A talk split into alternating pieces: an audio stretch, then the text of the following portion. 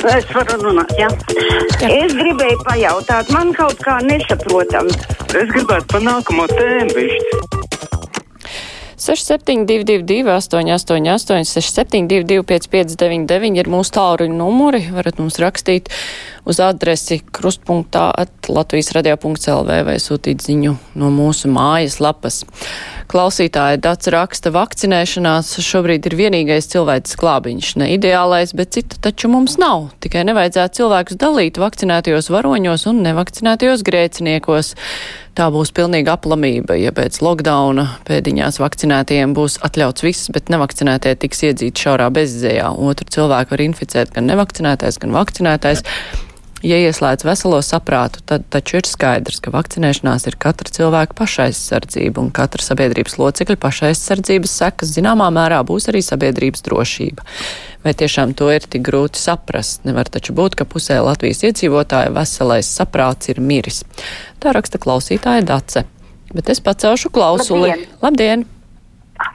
Es domāju, Romas pāvests raksta, visur, nu, ko viņš savos ziņojumos, ka vakcīnas ir Dieva svētība, kas, nu, izglābs mūs no visām, no, no korona. Bet tanī pašā laikā man ir pazīstams trīs katolietes, kuras pasaka, ka tas ir ārprāts un tas ir šausmas, jo pujāts saka, ka tas ir no bērna embrijiem un tas ir noziegums vakcinēties. Es nesaprotu, vai tad pujātam, ja viņš vairs nav arhibīskaps, viņam pilnīgi nav nevairs pāvests noteicoši, un arī Stankēvičs taču saka, ka jāvakcinējas, kāpēc tā katoļi neklausās uz Romas pāvestu un Stankēviču, bet klausās uz pujātu, kas kādreiz čupojās un lika visos, uh, visās baznīcās, ka jābalso par šleseru, un, un tagad atkal viņš tādas muļķības stāst katoļiem, nu tas taču vienkārši mazliet ārprātīgi. Jā, paldies par jūsu zvanu un viedokli. Savukārt Liena vaicā, Ko lai iesāk tie, kuru mīļākā vakcīna bija tieši AstraZeneca, tā kā saprot, ir izmēsta no Latvijas, diemžēl. Tas ir interesanti, ka kādam jau ir mīļākās un nemīļākās vakcīnas, bet galvenais potēties vismaz ar kādu, kas ir akceptēta un pieejama. Klausītājs zvana. Halo! Labdien! Labdien. Te jums zvana no Unijas ielas 66, dzīvoklis 2. Mums visā mājā līdz šim nav pieslēgts siltums, bet rēķinu par siltumu mums jau atsūtīja. Sakiet, kur lai griežas, lai mums pieslēdz siltumu? Nu, jā, nu, jums acīm redzot, ir jāgriež pirmkārt Rīgas siltumā, ja tas ir jūsu siltuma piegādātājs. Vispār traka situācija, ja siltuma nav, rēķins pienāca, bet eh, cerams, ka ir arī paskaidrojums, kāpēc tā siltuma nav. Vai arī varbūt kādam dzīvoklim tikai nesilda. Jums noteikti ir kāds mājas vecākais, kāds apsaimniekotājs, pie kura vērsties ar šiem jautājumiem. Ceļu klausuli, labdien, Latvijas radio! Labdien! Labdien! Ziniet, es klausos šito preses uh, konferenci, ja, ko tur Teriņš vada.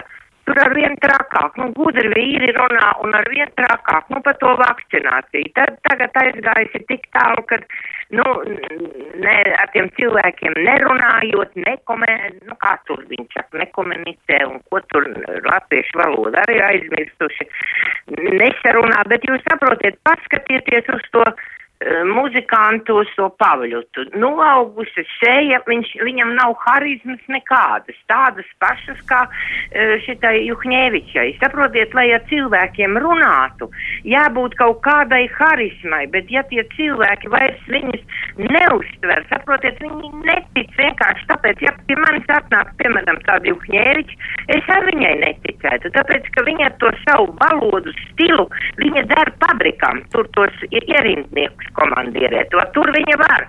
Bet saprot. Jā, paldies par viedokli. Nu, katram savs. Klausītājs Zigmārs vaicā, kāpēc vēl līdz šai dienai lidostā Līga ierā, ielaiž izlidošanai Latvijas pilsoņus, kuri nav vakcinēti. To vajag aizliegt, gribi lidot vakcinējies.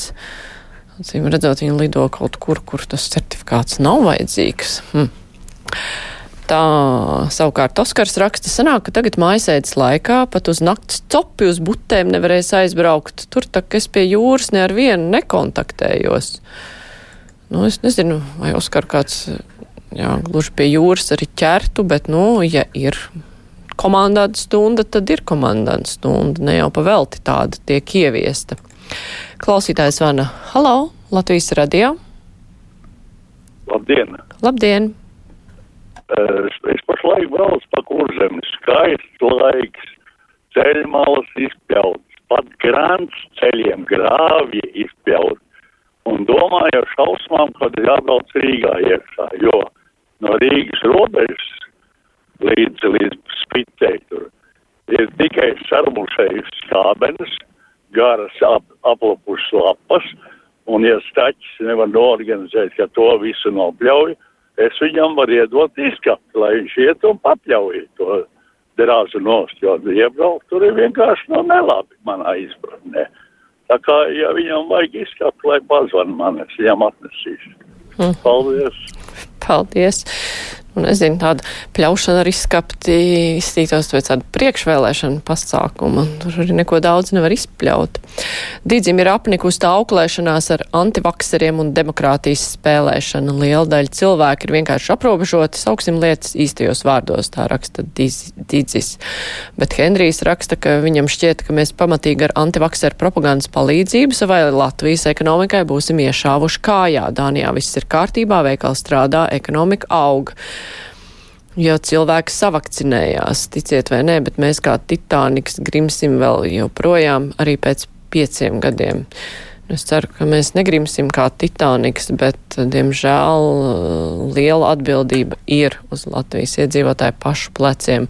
Arī valdības, kura nepieņēma stingrus lēmumus ātrāk, tā man šķiet. Bet tie, kuri nevakcinējās, nu, jā, tur ir tiešas sekas tas, kas tagad notiek. Klausītājs zvana Halo, Latvijas rādio. Uh, labdien! Labdien! Jūs zināt, es brīnos, kā tie antivakseri nav ķērušies pie aptiekam. Jo, saprotiet, nu, kad jūs nopērkat zāles un izlasat to anotāciju, kas ir apmēram divu metru garumā, tad iznāk, ka jūs esat nopirkuši indi gandrīz vai. Man pašai tā ir bijis, ka es nopērku zāles, izlasu, kas tur rakstīts un saprotu, nē, es viņus lietot nevaru un nolieku plauktā.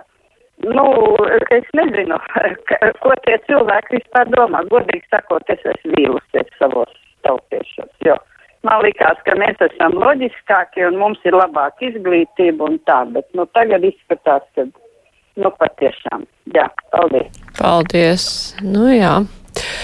Klausītājs Pēters raksta, viņam šobrīd ir covid simptomi, zvanīja ģimenes ārstam, teica, ka obligāti jātaisa covid tests, bet kā lai nokļūst uz laboratoriju, ja sabiedrisko transportu izmantot nedrīkst ar 38 temperatūru, 7 km turp, 7 atpakaļ.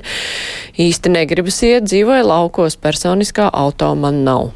Nu, bēdīga situācija, bet te neko citu nevar izdomāt, kā kādu cilvēku vēlams vakcinēt un, un bruņot ar maskām, mēģināt sarunāt, jo nu, citas iespējas jau nav. Gal galā arī laboratorijas, es nezinu, vai var atļauties izbraukāt pie visiem. Tagad tās ir tik ļoti noslogotas. Nu, tāda ir slikta situācija. Klausītājs zvana. Halo, labdien, Latvijas radio. Labdien. Labdien. Es Latvi, Latvijā izdot avīze lasu, kad notiek šobrīd ģenētiskā korekcija. Uh, ģenētiskā korekcija, tas, kas viss notiek, mēs saprotam pasaulē, uh, tad ir laba viela pārdomām, ja cilvēks ir iejaucies uh, ģenētikā, kas ir aizliegts, uh, Dievs to nav nevienam devis, tam es pārliecināts, un ja skatoties katru individu un valsti, ja stūrakmens, uz kā celta ģimene vai valsts tiek izsist ārā, nu tad ir liela brukšana, un to visu pamato neskaitāmās vietās, jāsaka viss, kas rakstīts Bībelē. Ja Jēzus Kristus, kā mūsu stūrakmens un pamatu pamats ir izsists vai valstī izņemts brutāli ārā, tad uh, notiek tas, kas, ko mēs redzam šobrīd Latvijā. Un arī katrā Jā, paldies par viedokli, bet nu, šī jau nav vienīgā pandēmija pasaules vēsturē. Tad interesanti, kādas ir versijas tām iepriekšējām, kad vēl nebija cilvēki ķērušies pie gēniem. Klausītājs Toms vaicā, vai Latvijas radio tiek mainīts kaut kāds koncepts. Vienkārši no rīta raidījuma vadītājs Elvis teica, ka rīt pie viņa studijā būšot pēdējais dzīvais viesis un aicināja visus novakcinēties. Tas kaut kāds Helovīna humoriņš vai vienkārši tāda gaume dzīvais viesis. Nu, tā mēs te radio runājam par cilvēkiem, kuri var atnākt tieši raidē uz studiju. Bet um, turpmāk jau droši vien, nāksies to mazāk. Nu, vismaz mēs kruspunktā šonadēļ jau strādājam ar viesiem attālināti, tas drošības dēļ. Tā Jānis raksta, nesap, ka viņš nesaprot, kāpēc uzbruk nepotētajiem saslimt un pārnēsāt var visi, un vakcīna tikai atvieglo pārslimošanu. Ne tikai arī vakcinētie var saslimt, arī var pārnēsāt, bet mazāk. Un ļoti būtiski viņi nenoslogo slimnīcas tik ļoti kā nevakcinētie.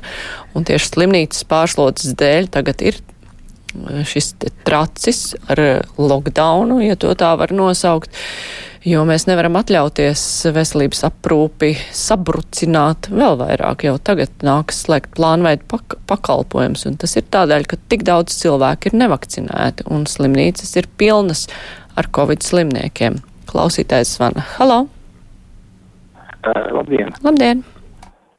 Um, es diezgan daudz interesējos, uh, kas notiek pasaulē, ir ceļš Pasaules veselības organizācija, ko raksta, un tur pirmā vietā cīņā ar Covid raksta ir vispārējā imunitāte. Bet uh, speciālā imunitāte, kas ir vakcinācija, ir kādā septītā. Vispārējā imunitāte prasa svaigu gaisu, vingrošanu, skraidīšanu, strādāšanu, labu miegu, nepīpēt, neuztraukties, bet mums jau stress tik ļoti sit to imunitāti zemē, ka var gadīties ar visām šitām bailēm, baidīšanām, jā, mēs darām lielāku ļaunumu sabiedrībai nekā tapot. Paldies! Jā, nu, izskatās, ka diezgan daudz cilvēki šoruden dzīvoja pilnīgi bez stresa, kontaktējās, staigāja bez maskām, nepotējās, un šī te bez stresa dzīve rezultātā mums ir atnesusi to ka nākas slēgt ciet pakalpojumus, ka nākas slēgt ciet plānveidu veselības aprūpi un daudz ko citu. Tā kā, protams, tas viss, ko jūs minējāt, ir ārkārtīgi jauki un labi un vajag sevi stiprināt un dzīvot veselīgi, bet ar to nepietiek īpaši jau šādas slimības apstākļos ir nepieciešams eh, vakcinēties, un tas ir daudz drošāks pasākums nekā vienkārši vingrot svaigā gaisā. Brīvais mikrofons ar to arī izskan. Tagad būs ziņas, pēc tam runāsim par zemkopības ministrijas budžetu.